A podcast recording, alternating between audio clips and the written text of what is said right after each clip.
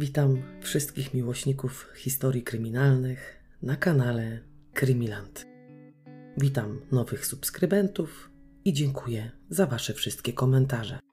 Zapraszam serdecznie na następny odcinek historii kryminalnych z niemieckich landów.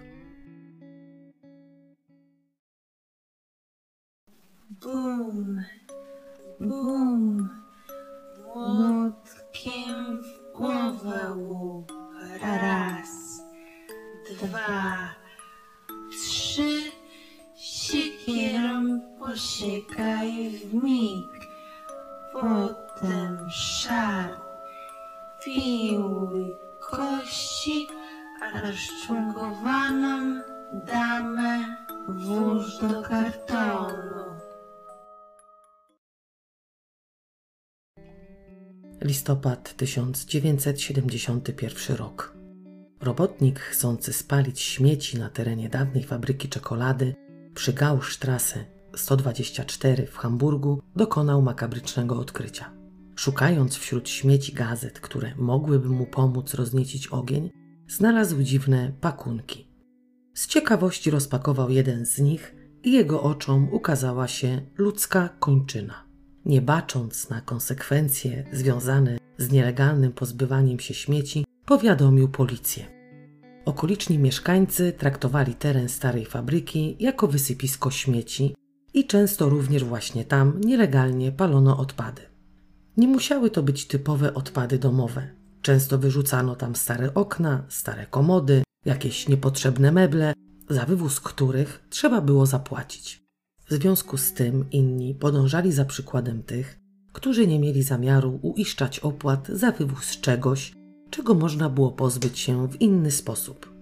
Funkcjonariusze, którzy pojawili się na miejscu, zabezpieczyli głowę, dwie piersi, dwie ręce, dwie stopy i lewe udo.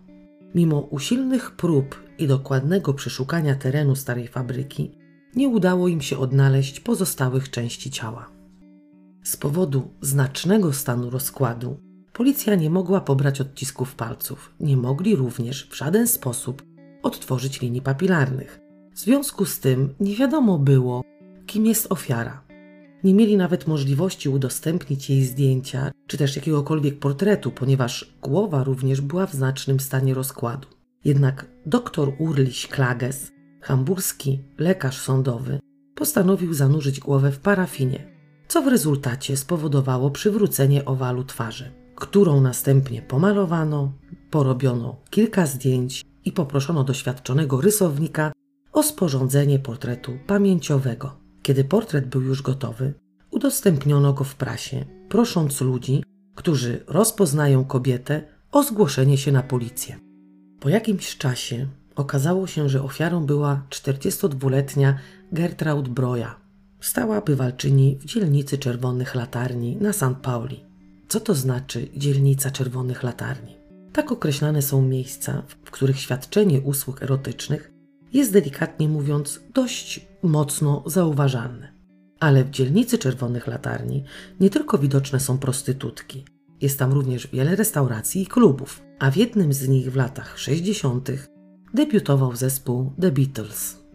Gertraud nie zawsze była panią lekkich obyczajów.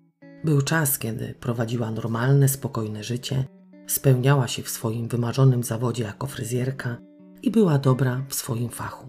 Niektórzy są skłonni nawet rzec, że była bardzo dobra. Jednak w jej życiu wydarzyło się coś, co spowodowało, że to, czym tak bardzo gardziła i potępiała, stało się częścią jej życia. Tak naprawdę nikt nigdy jej nie pytał, dlaczego porzuciła dobrze zapowiadającą się przyszłość i wybrała drogę, która prowadziła donikąd. Kobieta, mimo położenia, w jakim się znalazła, próbowała wrócić do normalnego życia. Jednak nie było to takie proste. Czy zainteresowałby się nią normalny facet? Nie. Wzbudzała zainteresowanie tylko i wyłącznie wśród mężczyzn, którzy sami nie bardzo radzili sobie z życiem i nałogiem. Kiedy zniknęła, nikt zbytnio się tym nie przejął. Wszyscy ją znali i doskonale wiedzieli, że zdarzało się jej wiele razy znikać na kilka miesięcy z jednym z klientów. Być może wówczas próbowała rozpocząć na nowo. W każdym razie po tych kilku miesiącach zawsze wracała. Nie opowiadała, co się działo, kiedy jej nie było i nie tłumaczyła, dlaczego wróciła. Wszystko odbywało się tak, jakby było to najzwyczajniej w świecie normalne. Czy gdyby nie pojawiła się już nigdy, ktoś zgłosiłby jej zaginięcie? Nie, ponieważ nie było nikogo, kto by za nią tęsknił. I tak naprawdę po znalezieniu i zidentyfikowaniu jej zwłok, tylko śledczym zależało na tym, żeby dorwać tego, kto w tak brutalny sposób odebrał Gertraud życie.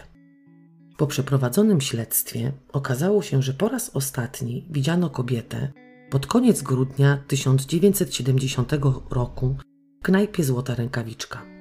Jednak nikt nie miał pojęcia, czy tego ostatniego wieczoru kobieta z kimś wyszła. Nikt również nie mógł powiedzieć, dokąd mogłaby wówczas pójść. Równie dobrze mogła swego oprawcę spotkać po drodze. Śledczy podejrzewali, że sprawca musi mieszkać gdzieś w okolicy starej fabryki czekolady. W związku z tym postanowili sprawdzić wszystkich notowanych przestępców seksualnych mieszkających w okolicy, jednak nie trafili na żaden konkretny ślad. Mijały lata, śledczy co jakiś czas wracali do sprawy Gertraud, ale niczego sensownego nie potrafili wymyślić. Prawdę mówiąc, podejrzewali, że sprawcą jest być może seryjny morderca, dlatego też byli przekonani, że prędzej czy później pojawi się następna ofiara. Czekali, oczywiście nie siedząc bezczynnie. Co jakiś czas sprawdzano, czy nie zgłoszono zaginięcia którejś z prostytutek pracujących w dzielnicy Czerwonych Latarni. Wszystko stało pod jednym wielkim znakiem zapytania. Aż do 17 lipca 1975 roku, kiedy to w kamienicy na Zeissstrasse 74 wybuchł pożar. Lokator jednego z mieszkań, norweski marynarz, nie płacił za prąd, w związku z czym mu ten prąd wyłączono. Jednak on nie zamierzał siedzieć w domu po ciemku i oświetlał sobie pomieszczenia świeczkami. Trwało to jakiś czas, aż do momentu, kiedy pewnego wieczora zasnął, a tląca się świeca, przewracając się, spowodowała pożar. Zaalarmowano straż pożarną około czwartej nad ranem. Jednak ogień już dość mocno się rozprzestrzenił. Pomimo wielu trudności udało się strażakom ugasić pożar i uratować życie norweskiego marynarza. Można by rzec, że cała akcja powinna się właśnie w tym momencie zakończyć. Jednak, jak zawsze, strażacy, żeby mieć pewność, sprawdzili kondygnację po kondygnacji, czy nie ma gdzieś ognisk, które mogłyby ponownie wywołać pożar. Podczas tej rutynowej kontroli strażacy poczuli zapach zgnilizny i spalonego mięsa, więc przeprowadzili przeszukanie. I kiedy doszli do strychu, znaleźli tam torby, w których były rozkładające się części ciała. Natychmiast wezwano policję, a co za tym idzie, rozpoczęły się oględziny miejsca, w którym znaleziono pakunki. Strych był przeznaczony do użytku dla każdego lokatora zamieszkującego kamienicę, więc każdy lokator był od tego momentu podejrzanym. Torby zawierały tułów i prawe udo. Podczas przeszukania strychu w celu znalezienia jak najwięcej śladów, kilka metrów dalej odkryto następne zmunifikowane już ciało, które leżało za wspólną toaletą znajdującą się na korytarzu. Z uwagi na stan rozkładu, funkcjonariusze wiedzieli, że części ciała znajdujące się w torbach nie zostały tam umieszczone dzień wcześniej, ale musiały znaleźć się w tym miejscu kilka miesięcy, a nawet lat przed ich odkryciem. W momencie, kiedy funkcjonariusze i technicy kryminalistyczni pracowali na strychu, pojawił się niski, chudy mężczyzna, który wynajmował mieszkanie na poddaszu, znajdujące się właśnie naprzeciwko tej wspólnej toalety. Mężczyzna nie wykazywał jakiegoś niepokoju czy poddenerwowania. Chciał po prostu dostać się do mieszkania, bo akurat wrócił z nocnej zmiany.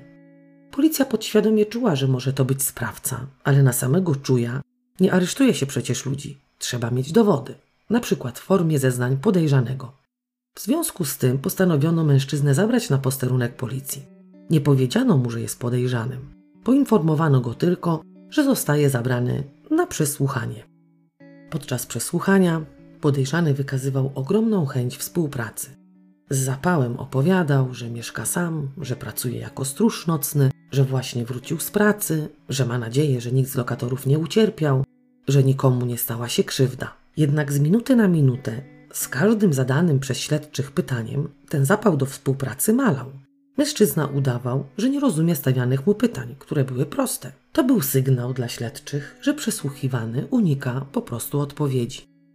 W tym czasie, kiedy go przesłuchiwano, funkcjonariusze przeszukiwali już jego 18-metrowe mieszkanie. Początkowo nie znaleziono nic konkretnego. Masa alkoholu, masa gazet pornograficznych, ponad 300 zdjęć przedstawiające nagie kobiety zawieszone nad kanapą w salonie i gumowa lala. W mieszkaniu panował straszny bałagan. Na stole stało kilka przepełnionych petami popielniczek, masa pustych paczek po papierosach, plamy po rozlewanym alkoholu. Można rzec, okej, pan mieszka sam, nie ma kobiety, więc jakoś sobie radzi. Bałagan to w sumie żadna zbrodnia. To, że ma stosy gazet dla dorosłych, to też żadna zbrodnia. Przecież po to sprzedają tego typu prasy w kioskach, żeby móc choć oko nacieszyć. Gumowa przyjaciółka to nie zwłoki, ani żadna przetrzymywana żywa kobieta. Więc nie było tam jeszcze nic, co mogłoby wstrząsnąć śledczymi, albo rzucić choć jakiś malutki cień podejrzeń na mieszkanie. Milimetr po milimetrze, krok po kroku, znajdowano najpierw części garderoby damskiej, torebki, buty i parasole. W pewnym momencie funkcjonariusze doszli do wniosku, że mają do czynienia z mężczyzną, który ma jakieś specjalne upodobania seksualne, ale ubrania były w rozmiarach niepasujących do człowieka, który trzymał je w domu. Mężczyzna był niskiego wzrostu, chudy, a część znalezionych spódnic była słusznych rozmiarów, więc nawet gdyby lubił przebierać się w damskie ciuszki, to akurat w te, które znaleziono, nie mógłby. No dobra, mogły to być pozostałości po jego byłych partnerkach, które z pewnością miewał. Także to, że miał damskie rzeczy w mieszkaniu, również o niczym jeszcze nie świadczyło. Nie świadczyło oczywiście, ale nie można było również przejść nad tym do porządku dziennego. W związku z tym śledczy, żeby mieć pewność, że mają na posterunku niewłaściwego człowieka, postanawiają zerwać podłogi i sprawdzić wnęki w ścianach. W Niemczech w każdym wynajmowanym mieszkaniu znajduje się spiżarnia, takie malutkie pomieszczenie, które w różny sposób ludzie użytkują. W malutkich mieszkaniach natomiast, takich jak to, które wynajmuje przesłuchiwany mężczyzna, są specjalne wnęki w ścianach, czyli takie małe schowki. Na zdjęciu widzicie coś w tym stylu właśnie. Niekoniecznie muszą być w każdym przypadku takie drzwiczki. Często jest to tak zorganizowane, że gołym okiem nie widać, w którym miejscu znajduje się taki schowek. Podczas opukiwania jednej z tych ścian znaleziono miejsce, w którym najprawdopodobniej znajdował się taki schowek. Drzwi do schowka były zatapetowane tak, że ściana na pierwszy rzut oka wyglądała jakby akurat tam nic nie było. Ale kiedy funkcjonariusze otworzyli schowek, zrozumieli, że mają sprawcę. We wnęce znajdowały się następne rozczłonkowane zwłoki. Od razu poinformowano śledczych przesłuchujących mężczyznę, a ci skonfrontowali go z tym, co odkryto w jego mieszkaniu. Od tej chwili mężczyzna zamilkł na amen. Mimo usilnych prób przeprowadzenia przesłuchania i zachęcenia podejrzanego do złożenia obszernych zeznań, ten niestety nie wykazywał żadnej chęci współpracy. Mężczyzną, u którego znaleziono szczątki, był 35-letni Fritz Friedrich Honka. Fritz urodził się 31 lipca 1931 roku w Lipsku. Pochodził z wielodzietnej rodziny. Źródła podają różnie. Raz piszą, że było tam dziesięcioro dzieci, a innym razem, że dziewięcioro. W każdym razie troje dzieci zmarło krótko po urodzeniu. Fritz był jako trzeci z kolei. Rodzina mieszkała w domu przy Ziburgstrasse 90. Nie wiem, jak jest teraz, ale ówcześnie dzielnica ta cieszyła się wątpliwą reputacją. Była tam masa pań lekkich obyczajów, masa alkoholików i masa ubogich rodzin. Dziś taką dzielnicę nazwalibyśmy slumsami, oczywiście nie obrażając tu nikogo. Głowa rodziny, po której Fritz otrzymał imię, nie wylewał za kołnierz. Mężczyzna miał dobry fach w ręku, wyuczył się na stolarza, ale był alkoholikiem i z tego powodu wiele razy tracił pracę. Jedyne zajęcie, jakie jemu samemu pasowało i nie przeszkadzało mu w spożywaniu alkoholu, było stanowisko palacza. Matka Fritza Elza, poza tym, że zajmowała się dziećmi, dorabiała jako sprzątaczka. Fritz senior był zatwardziałym komunistą i aktywnie udzielał się w partii KPD, co niestety nie wyszło ani jemu, ani jego rodzinie na dobre, ponieważ kiedy NSDAP doszło do władzy, wysłano mężczyznę do obozu koncentracyjnego. A co za tym idzie, reszta rodziny również została wysłana do obozu. To, że byli narodowości niemieckiej, nie spowodowało, że mieli jakieś taryfy ulgowe. Postrzegano ich tak samo jak innych, czyli tak jak tych, którzy byli niechciani i nieakceptowani w nowym społeczeństwie. Do tego byli to więźniowie polityczni, a ci u szefa III Rzeszy mieli tak samo przewalone, jak ci, z których naziści chcieli oczyścić społeczeństwo. Wyzwolenie i wolność nadeszła z końcem wojny. Wówczas rodzina wróciła ponownie do Lipska. Jednak stary Honka nie pożył długo. Rok później zmarł z powodu skutków nadużywania alkoholu i z powodu długoletniej niewoli. Elze po śmierci męża nie mogła sobie poradzić z utrzymaniem dzieci. W związku z tym oddała je do domu dziecka. Nie wiadomo, czy tylko sama niemoc utrzymania dzieci była powodem. Kobieta również spędziła lata niewoli w obozie koncentracyjnym, więc to również mogło mieć na nią jakiś tragiczny w skutkach wpływ. Ogólnie sam podejrzany o matce niewiele powiedział.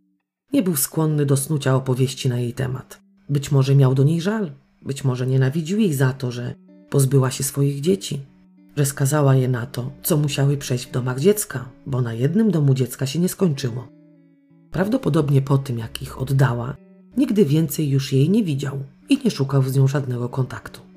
Mając 15 lat, rozpoczął praktykę jako murarz. Jednak okazało się, że był uczulony na pył cementowy i z tego powodu musiał pożegnać się z marzeniami o karierze murarza. Rok później uciekł na zachód i znalazł schronienie w małej wiosce Lüneburga Heide. Był tam pomocnikiem rolnika. W jednym z płatnych artykułów znalazłam informację, że Fritz wraz z innymi takimi pomocnikami, którzy uciekli z NRD na zachód, byli przez rolników przetrzymywani, torturowani, a nawet gwałceni.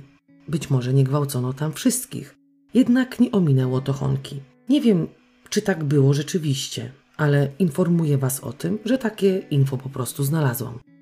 Będąc na farmie, Honka wdał się w romans z kobietą, która później urodziła syna i dała mu na imię Heinrich. Następnie pozwała Fritza o alimenty. Jednak po czasie okazało się, że dziecko może nie być jego potomkiem. Poczuł się zdradzony i pewnie zabolało go to do żywego, tym bardziej, że musiał płacić alimenty na nie swoje dziecko. W wieku 21 lat Honka przenosi się do Hamburga i podejmuje pracę w stoczni Hofalzwecke. W tym czasie zdarzyło się również coś, co z pewnością wpłynęło źle na młodego człowieka. Jadąc rowerem, uległ wypadkowi drogowemu. Nikt nie udzielił mu natychmiastowej pomocy. Auto, które uczestniczyło w kolizji, zniknęło z miejsca wypadku. Dopiero przechodzący obok żołnierz znalazł Honkę leżącego na ulicy, wziął go na ręce i zaniósł do szpitala. Konsekwencji wypadku twarz Fritza uległa deformacji. Miał zmiażdżony i wykrzywiony nos, mrużył oczy z powodu zeza, do tego pękła mu dolna szczęka, stracił zęby i w rezultacie nie wymawiał esz. Każdy z nas może tylko sobie wyobrazić, jakby sam siebie postrzegał po takiej deformacji twarzy. Jedni powiedzą, a przecież nie wygląd się liczy. Liczy się to, jakim się jest człowiekiem. Ale niestety nie wszyscy tak postrzegają życie, bo często nie patrzy się na to, kto jaki jest, tylko na to, jak w towarzystwie tego kogoś, czyli tej kobiety, mężczyzny, będę się prezentował, prezentowała. Po drugie, on sam spotykał się z brakiem akceptacji ze strony płci pięknej. Kobiety często postrzegały go jako kurdupla, bo miał 168 cm wzrostu. Tak czy siak, jego poczucie własnej wartości było bardzo zaniżone. Jednak jakoś tak krótko po wypadku poznał kobietę, która nie zwracała uwagi na to, jak on wygląda. Nie przeszkadzało jej to, że mężczyzna mówi niewyraźnie, a wzrost nie był dla niej problemem. Po prostu go pokochała. Wybranka jego serca Inge i Honka pobrali się rok później i dość szybko urodziło im się dziecko. Synek Honki, podobnie do niego, otrzymał imię po ojcu, czyli był Fritzem juniorem. Można rzec, że życie mężczyzny powinno zmienić się już na lepsze. Ale niestety relacja małżeńska była dość burzliwa, ponieważ Inge, jak się okazało później, była alkoholiczką, a Honka zamiast rozkochiwać się w żonie i w synku, przelał całe uczucie na butelkę. To ona zaczynała być najważniejszą częścią jego życia. Im więcej para piła, tym więcej złych rzeczy działo się w ich domu. Dochodziło do rękoczynów i demolowania mieszkania. Końcu trzy lata po ślubie małżeństwo się rozpadło, rozwiedli się i każdy poszedł w swoją stronę. Jednak nie potrafili bez siebie żyć i po jakimś czasie ponownie się pobrali. Spore ilości alkoholu, jakie spożywali, spowodowały utratę pracy, a co za tym idzie utratę środków do życia i mieszkania. Małżeństwo pomieszkiwało w piwnicach i schroniskach dla bezdomnych. W końcu w 1967 roku definitywnie i ostatecznie już się rozeszli. Honka postanowił walczyć o lepsze życie dla siebie. Znalazł malutkie 18-metrowe mieszkanie znajdujące się na poddaszu przy Zeissstrasse 74. Znalazł również pracę jako stróż na budowie.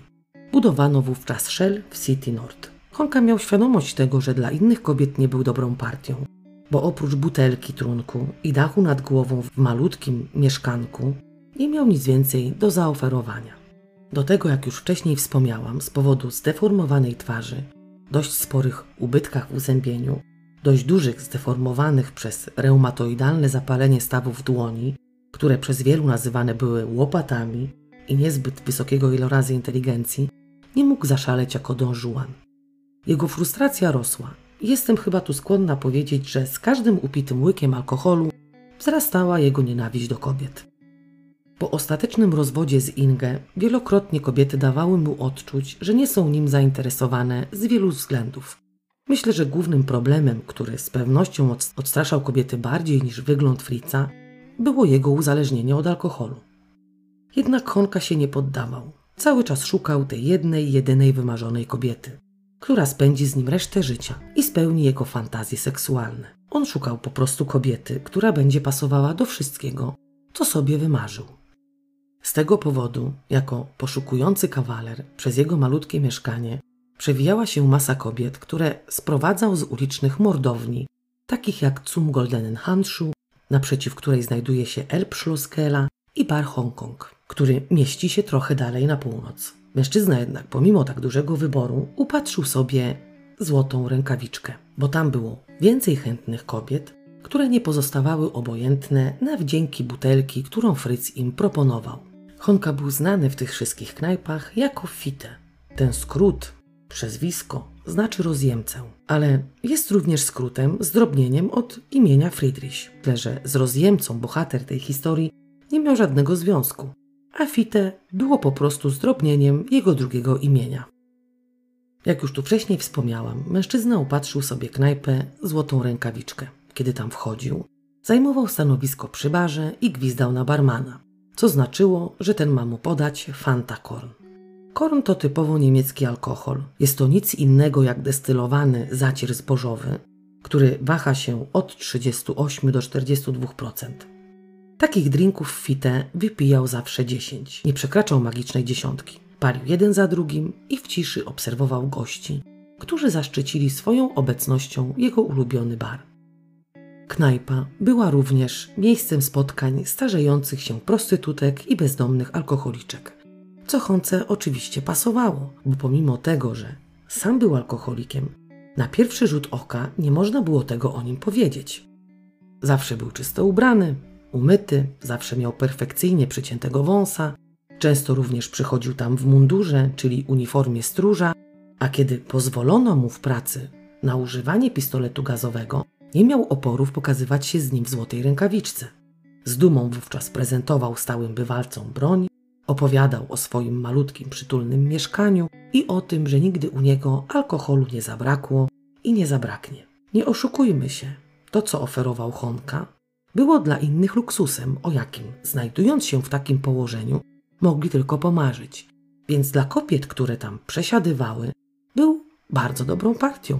Honka też często popisywał się, oficjalnie zostawiał barmanowi hojny napiwek, zapraszał tańczące kobiety na piwo, sznapsa czy też szampana. Zachowywał się szarmancko i afiszował się swoim bogactwem. Sam Honka, przebywając w tych spelunkach, czuł się tam po prostu lepszy od innych. Tak jakby to towarzystwo miało w jakiś sposób podnieść jego poczucie własnej wartości. Tam był po prostu kimś.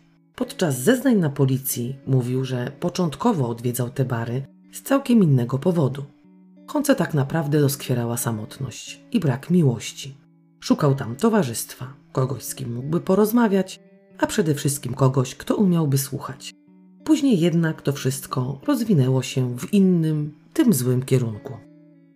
Nikt z przepytywanych tam świadków nie mógł stwierdzić, czy Honka z knajpy wychodził w towarzystwie jakichś kobiet bo tak naprawdę nikt tego nie pamiętał. Nie zwracano po prostu również na to uwagi. Kobiety tam przebywające były podobnie do Fite samotne. Nikt za nimi nie tęsknił, ani nie poszukiwał ich za życia. Honka, pomimo tego bałaganu, jaki panował w jego mieszkaniu, pomimo tych zapełnionych popielniczek na stole, śmierdzących wódką obrusów, uwielbiał porządek, o czym sam mówił podczas przesłuchań. Funkcjonariusze, którzy po odkryciu zbrodni pracowali w jego mieszkaniu, sami przyznali, że ubrania i wszystko, co miał w segmencie i szafie, miał ułożone pod tak zwaną linijką. Po drugie, w pracy był bardzo sumienny. Pilnował porządku i nie wpuszczał nieupoważnionych na teren, który nadzorował. Źle parkujący swoje auta również mieli do czynienia z Fricem. Nie odpuszczał nikomu, a przełożeni byli z niego zadowoleni. Jednak wśród sąsiadów nie miał dobrej opinii. Był dla nich alkoholikiem sprowadzającym do domu szemrane towarzystwo. Dość często skarżyli się na krzyki i libacje alkoholowe. Nikt prawdę mówiąc nie zwracał uwagi, czy z jego mieszkania wychodzą te kobiety, które tam przebywały, bo kto by się przejmował i interesował starymi bezdomnymi alkoholiczkami i prostytutkami. Niektóre z tych kobiet zostawały na dłużej i godziły się na podłe traktowanie ze strony mężczyzny. Godziły się za dach nad głową, setkę wódki, jakiś marny ciuch znajdujący się w kolekcji Frica i ciepłą strawę. One były mu wdzięczne za to, co im dawał, a to, że raz czy dwa im się oberwało, nie było już tak istotne. Honka nie był takim zwyczajnym alkoholikiem, nikomu niewadzącym i spokojnie żyjącym w swoim własnym, upojonym świecie. Był kilkakrotnie notowany na policji za drobne kradzieże. W 1972 roku ówczesna współlokatorka Honki Irmgard była lesbijką i z tego powodu nie przypadli sobie do gustu pod względem seksualnym. A seks dla Fritza był bardzo istotny. Chciał spełniać swoje fantazje. Jednak z Irmgard nie mógł robić tego w pełni.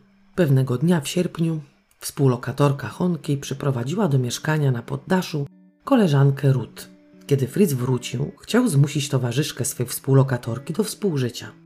Zerwał z niej ubranie, pobił ją bardzo mocno i dość paskudnie zranił. Jednak jakimś cudem udało się kobiecie uciec. Wybiegła nago na ulicę, jacyś tam przechodnie udzielili jej pomocy i wezwali karetkę. Kobieta jednak nie chciała tego incydentu zostawić i tej samej nocy zgłosiła wszystko na policję. Zabrano wówczas Honkę na komisariat w celu przesłuchania i podczas badania lekarskiego podejrzany o gwałt miał 2,4 promila alkoholu w wydychanym powietrzu. Po przesłuchaniach wypuszczono go, co nie znaczy, że zamknięto sprawę. Ale wróćmy do 1975 roku, kiedy to odkryto trzy pokawałkowane ciała na poddaszu przy Zeissstrasse 74. Funkcjonariusze musieli zidentyfikować zwłoki. Dzięki temu, że w mieszkaniu Fritza znaleziono dwa dowody osobiste, mogli zidentyfikować dwie kobiety. Żadna z nich nie widniała w rejestrze osób zaginionych. Nikt ich nie szukał. Jak już wcześniej wspomniałam, nikt za nimi nie tęsknił. Zachodzono w głowę, dlaczego nikt z sąsiadów nie zwrócił bacznej uwagi na smród zgnilizny, który szczególnie latem musiał przybierać na sile.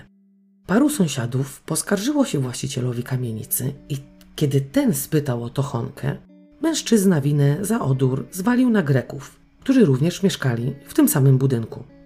Fritz twierdził, że jedzenie przygotowywane przez nich tak właśnie śmierdzi i że właściciel powinien się zająć Grekami, a nie czepiać się nikomu niewadzącemu lokatorowi.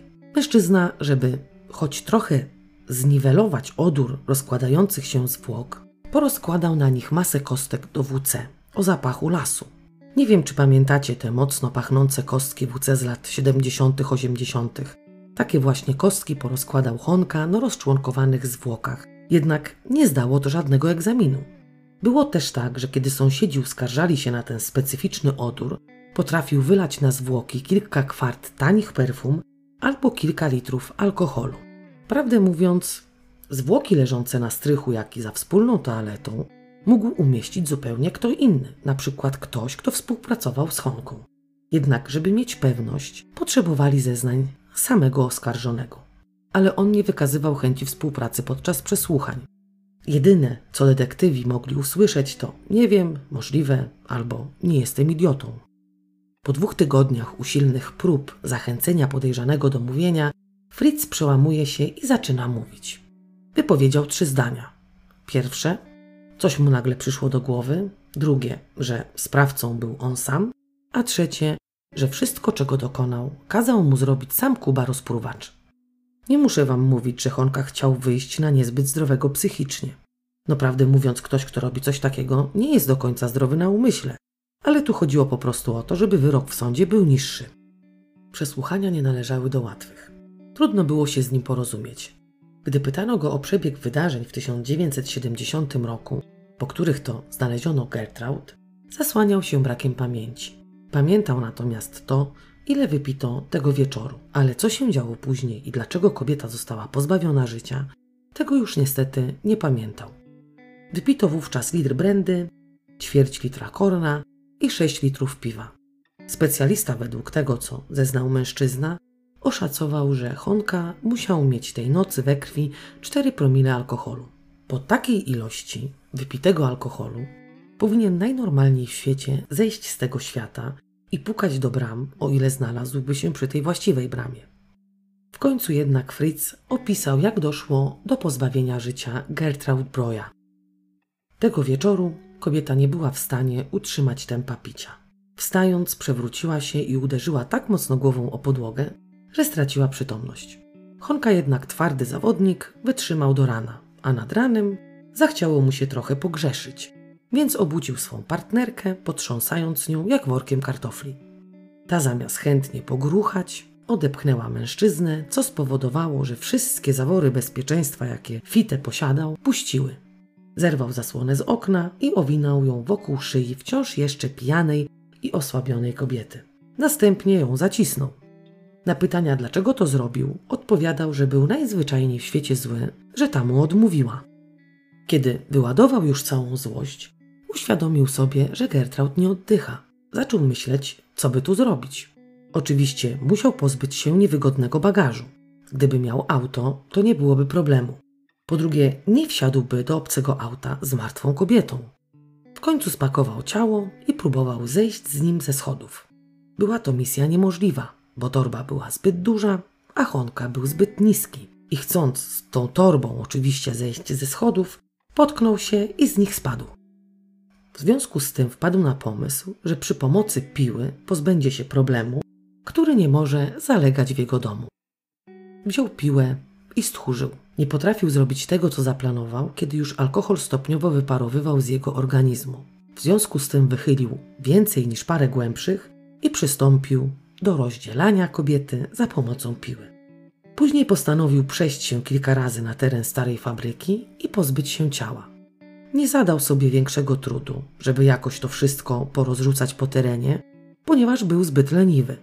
Resztę tego, co zostało z kobiety, postanowił ukryć w przegrodzie, czyli w tym schowku w swojej kuchni.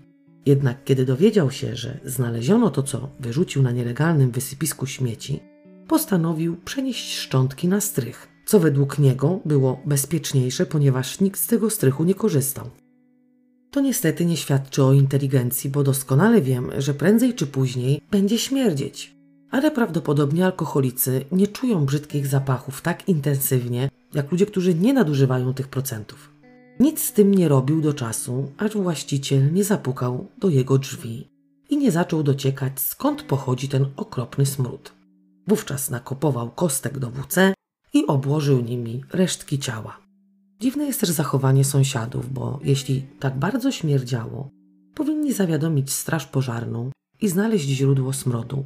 Ale to jednak pokazuje, jak podchodzili sąsiedzi do tego, co działo się w domu. Czyli z mieszkania Honki mogłyby dochodzić nawet krzyki, wzywanie o pomoc, a nikt by się tym nie zainteresował i nie zareagował. Między pierwszym a drugim pozbawieniem życia były cztery lata przerwy. Ale jeśli weźmiemy pod uwagę próbę gwałtu na ród, kiedy mężczyzna wówczas dość niebezpiecznie zranił kobietę, to wychodzi na to, że chciał z nią być może zrobić to samo, co z pierwszą, tylko mu po prostu się to nie udało. Anny Boyschel, druga ofiara Fryca, zginęła z równie banalnego powodu, co jej poprzedniczka. Mężczyzna upił kobietę w złotej rękawiczce swoim ulubionym napojem, czyli fantą zmieszaną z kornem, przyprowadził ją do domu i chciał z nią współżyć. Oczywiście kobieta nie odmówiła, jednak nie ukrywała tego, że jej się to najzwyczajniej w świecie nie podoba i nie robi na niej do żadnego wrażenia. Leżała po prostu w łóżku, jak to określił Honka, jak deska. To oczywiście rozwścieczyło mężczyznę i zakończył żywot kobiety. Za pomocą piły postąpił tak jak za pierwszym razem, ale nie wyniósł ciała na zewnątrz, tylko ukrył je za wspólną toaletą. Cztery miesiące później, jak zawsze w złotej rękawicy, mężczyzna poznał Fridę Roblik. Zaproponował jej seks za 200 marek, na co kobieta oczywiście ochoczo się zgodziła. Kiedy przyszło co do czego, to mężczyzna nie mógł narzekać, ponieważ spełniła wszystkie żądania Fritza. Ale popełniła błąd, bo próbowała ukraść mu następne 200 marek. W związku z tym pozbawił ją życia, a z ciałem postąpił tak jak w poprzednich przypadkach. Miesiąc po Fridzie, Fitę przyprowadził do domu Ruth Schult. Kobieta wprowadziła się do 18-metrowego mieszkanka na poddaszu i zamieszkała z Fritzem. Przez trzy tygodnie było sielsko i anielsko, aż do momentu, kiedy podczas kłótni wykrzyczała Honce, że zaraziła go kiłą. Ten spanikował, a ta się z niego śmiała, co spowodowało ponowny napad wściekłości i próbował butelką korna wybić jej z głowy takie głupie żarty. Jak już ją zmasakrował, to dokończył dzieła jej własną pończochą, którą zacisnął kobiecie na szyi. I muszę mówić, że z jej ciałem postąpił dokładnie tak samo jak z poprzednimi. Jednak tym razem trochę go poniosło, bo okaleczył ją dość paskudnie, pozbawił ją piersi, języka i nosa. W listopadzie 1976 roku rozpoczął się proces Fritza Friedricha Honki, na którym sam oskarżony wolałby nie być obecny. Adwokat starał się, żeby wszystko odbyło się bez obecności Honki, jednak niestety mężczyzna musiał pojawić się na rozprawach. Na pierwszej z nich odwołał swoje zeznania. Zaprzeczał temu, żeby miał coś wspólnego z pozbawieniem życia tych wszystkich kobiet. Twierdził, że kiedy budził się koło nich rano, one już były martwe i nie chciały go całować. Co za tym idzie, musiał w jakiś sposób pozbyć się ich ciał, bo kto by mu uwierzył, że one tak same z siebie wyzionęły ducha. Na pytania, dlaczego tak szybko można było wyprowadzić go z równowagi, odpowiedział, że kobiety mu ubliżały i demolowały jego mieszkanie, nie chcąc oczywiście po sobie posprzątać, a jedna z nich dodatkowo chciała go okraść. Ogólnie kręcił jak mógł. Kiedy pytania dotyczyły rozczłonkowania, odpowiadał, że możliwe, że to był on, bo przecież nikogo oprócz niego i denatki w domu wówczas nie było. Adwokatem oskarżonego był sam Ralph Bossi. Ci, którzy słuchali odcinka, w którym bohaterem był Jurgen Bartsch, wiedzą, że to ten sam adwokat, który bronił również jego. Bossi był słynny na cały kraj. Słynny ze szczególnych przypadków podobnych Jurgenowi i Fritzowi. Swoją każdą obronę zaczynał od prasy. Udzielał masę wywiadów, opowiadał o sprawcy, tym samym manipulując opinią publiczną. Ale Bossi nie od razu był obrońcą Fritza. Przyjął to stanowisko trzy tygodnie przed procesem. Do rezygnacji z poprzedniego adwokata namawiał Fritza jego syn, na co w końcu oskarżony się zgodził, ale chyba później trochę pożałował swojej decyzji.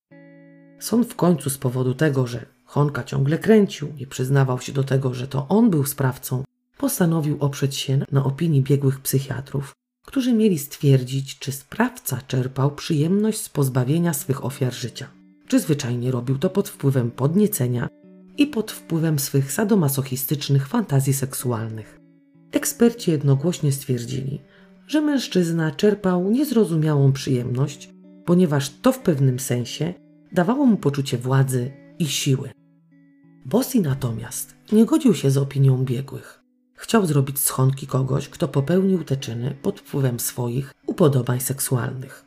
To wszystko oczywiście nie podobało się samemu Honce i był bardzo zaniepokojony tym, co mówi o nim jego adwokat. Chciał oczywiście reagować. Wprawdzie zaprzeczał temu, żeby był zboczeńcem, ale gwiazda sceny prawniczej dalej ciągnęła swoje przedstawienie i mówił, że jego klient ma dużo więcej na sumieniu niż tylko te cztery przypadki że nie używał piły do cięcia tylko z powodów praktycznych, ale robił to, bo przynosiło mu to specyficzną przyjemność.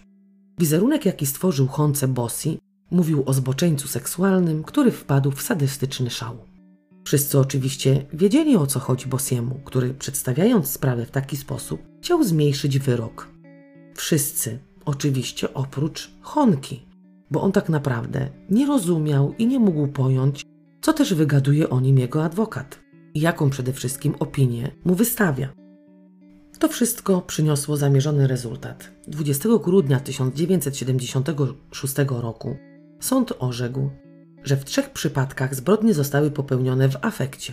Jednak w czwartym przypadku sędzia nie dał się przekonać. Umieszczono Honkę w zamkniętym zakładzie psychiatrycznym. Tam lekarze mieli obserwować mężczyznę i gdyby doszli do wniosku, że ten został wyleczony, wówczas mógłby wyjść na wolność po 15 latach. W klinice Fritz otrzymywał listy miłosne od kobiety, która pochodziła z Düsseldorfu. Petra, bo tak miała na imię, była o 22 lata młodsza od Honki i między tymi opisami uniesień miłosnych opisywała mężczyźnie, że na co dzień śpi w dębowej trumie, którą za dnia traktuje jako stół.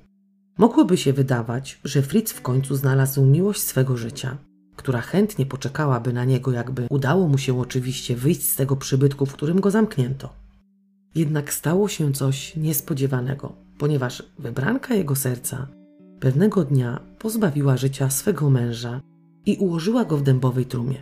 Następnie została oczywiście aresztowana i osądzona. W klinice, w której przebywał, w końcu oddano mu należyty szacunek za czyny, których dokonał. Oczywiście szacunek oddawali mu współosadzeni, jak i pacjenci przebywający tam na leczeniu. Przez wszystkie lata pobytu w szpitalu, jako jedyny, wyznaczał program telewizyjny na wieczór. Nikt mu się nie sprzeciwił, bo przecież był szychą i szefem pilota do telewizora. Po 16 latach, w 1993 roku, zwolniono mężczyznę z kliniki i wypuszczono na wolność. Wszystko odbyło się po cichu, bez rozgłosu w prasie i telewizji. Tak naprawdę nikt poza Honką i władzami wtajemniczonymi nie wiedział o zwolnieniu mężczyzny. Fritz zmienił imię i nazwisko, próbując zacząć od początku. Nie bardzo miał gdzie się podziać, więc trafił do domu opieki społecznej w Scharbeutz. Tam oczywiście nie wiedziano kim był i co zrobił. Mężczyzna pomagał w opiece nad starszymi, karmił ich kiedy ci nie mogli już sami się obsłużyć, rozmawiał z nimi, pocieszał, pomagał w porannej toalecie. Jednak ta sielanka nie trwała długo, ponieważ zaczął cierpieć na demencję, a lata picia i palenia nie wpływały pozytywnie na ogólny stan jego zdrowia. Zaczął mieć urojenia, ciągle czuł zapach zgnilizny i ciągle skarżył się personelowi pielęgniarskiemu, że nic z tym nie robią. No i widział również pewne dziwne rzeczy. W końcu w 1998 roku ciężko chory Honka ponownie trafił na oddział psychiatryczny kliniki, w której spędził 16 lat. Nocą z 19 na 20 października 1998 roku z powodu niewydolności narządów w wieku 63 lat nastąpił koniec jego żywota. Kiedy wszystkie zbrodnie Honki wyszły na jaw, machina medialna ruszyła pełną parą. Cały Hamburg huczał od opowieści snutych o Fricu. Kiedy dzieci były niegrzeczne, straszono je mówiąc: Uważaj, bo Honka po ciebie przyjdzie. Prasa prześcigała się w pisaniu artykułów, które zawierały newsy z życia mężczyzny. Nagle pojawiało się tysiące świadków, którzy osobiście go znali i chcieli coś o nim powiedzieć.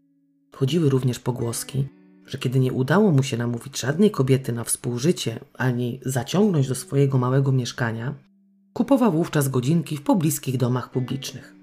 Ci, którzy kontaktowali się z reporterami, opowiadali, że podczas tych wykupionych godzinek mały kurdupel, no tak go po prostu określali, lubił nosić skórzane buty z cholewami i czarny skórzany płaszcz.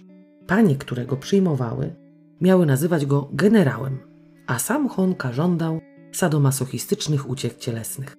Czy to jest prawdą? Tego niestety nikt nie wie. Jednak dziennikarze z gazet, które cieszą się dobrą opinią, powątpiewają w prawdziwość tych historii.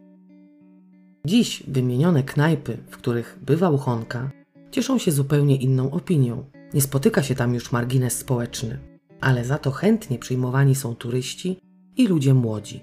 Złota rękawiczka, czyli bar o wątpliwej sławie, został przemianowany na Honka Sztubę.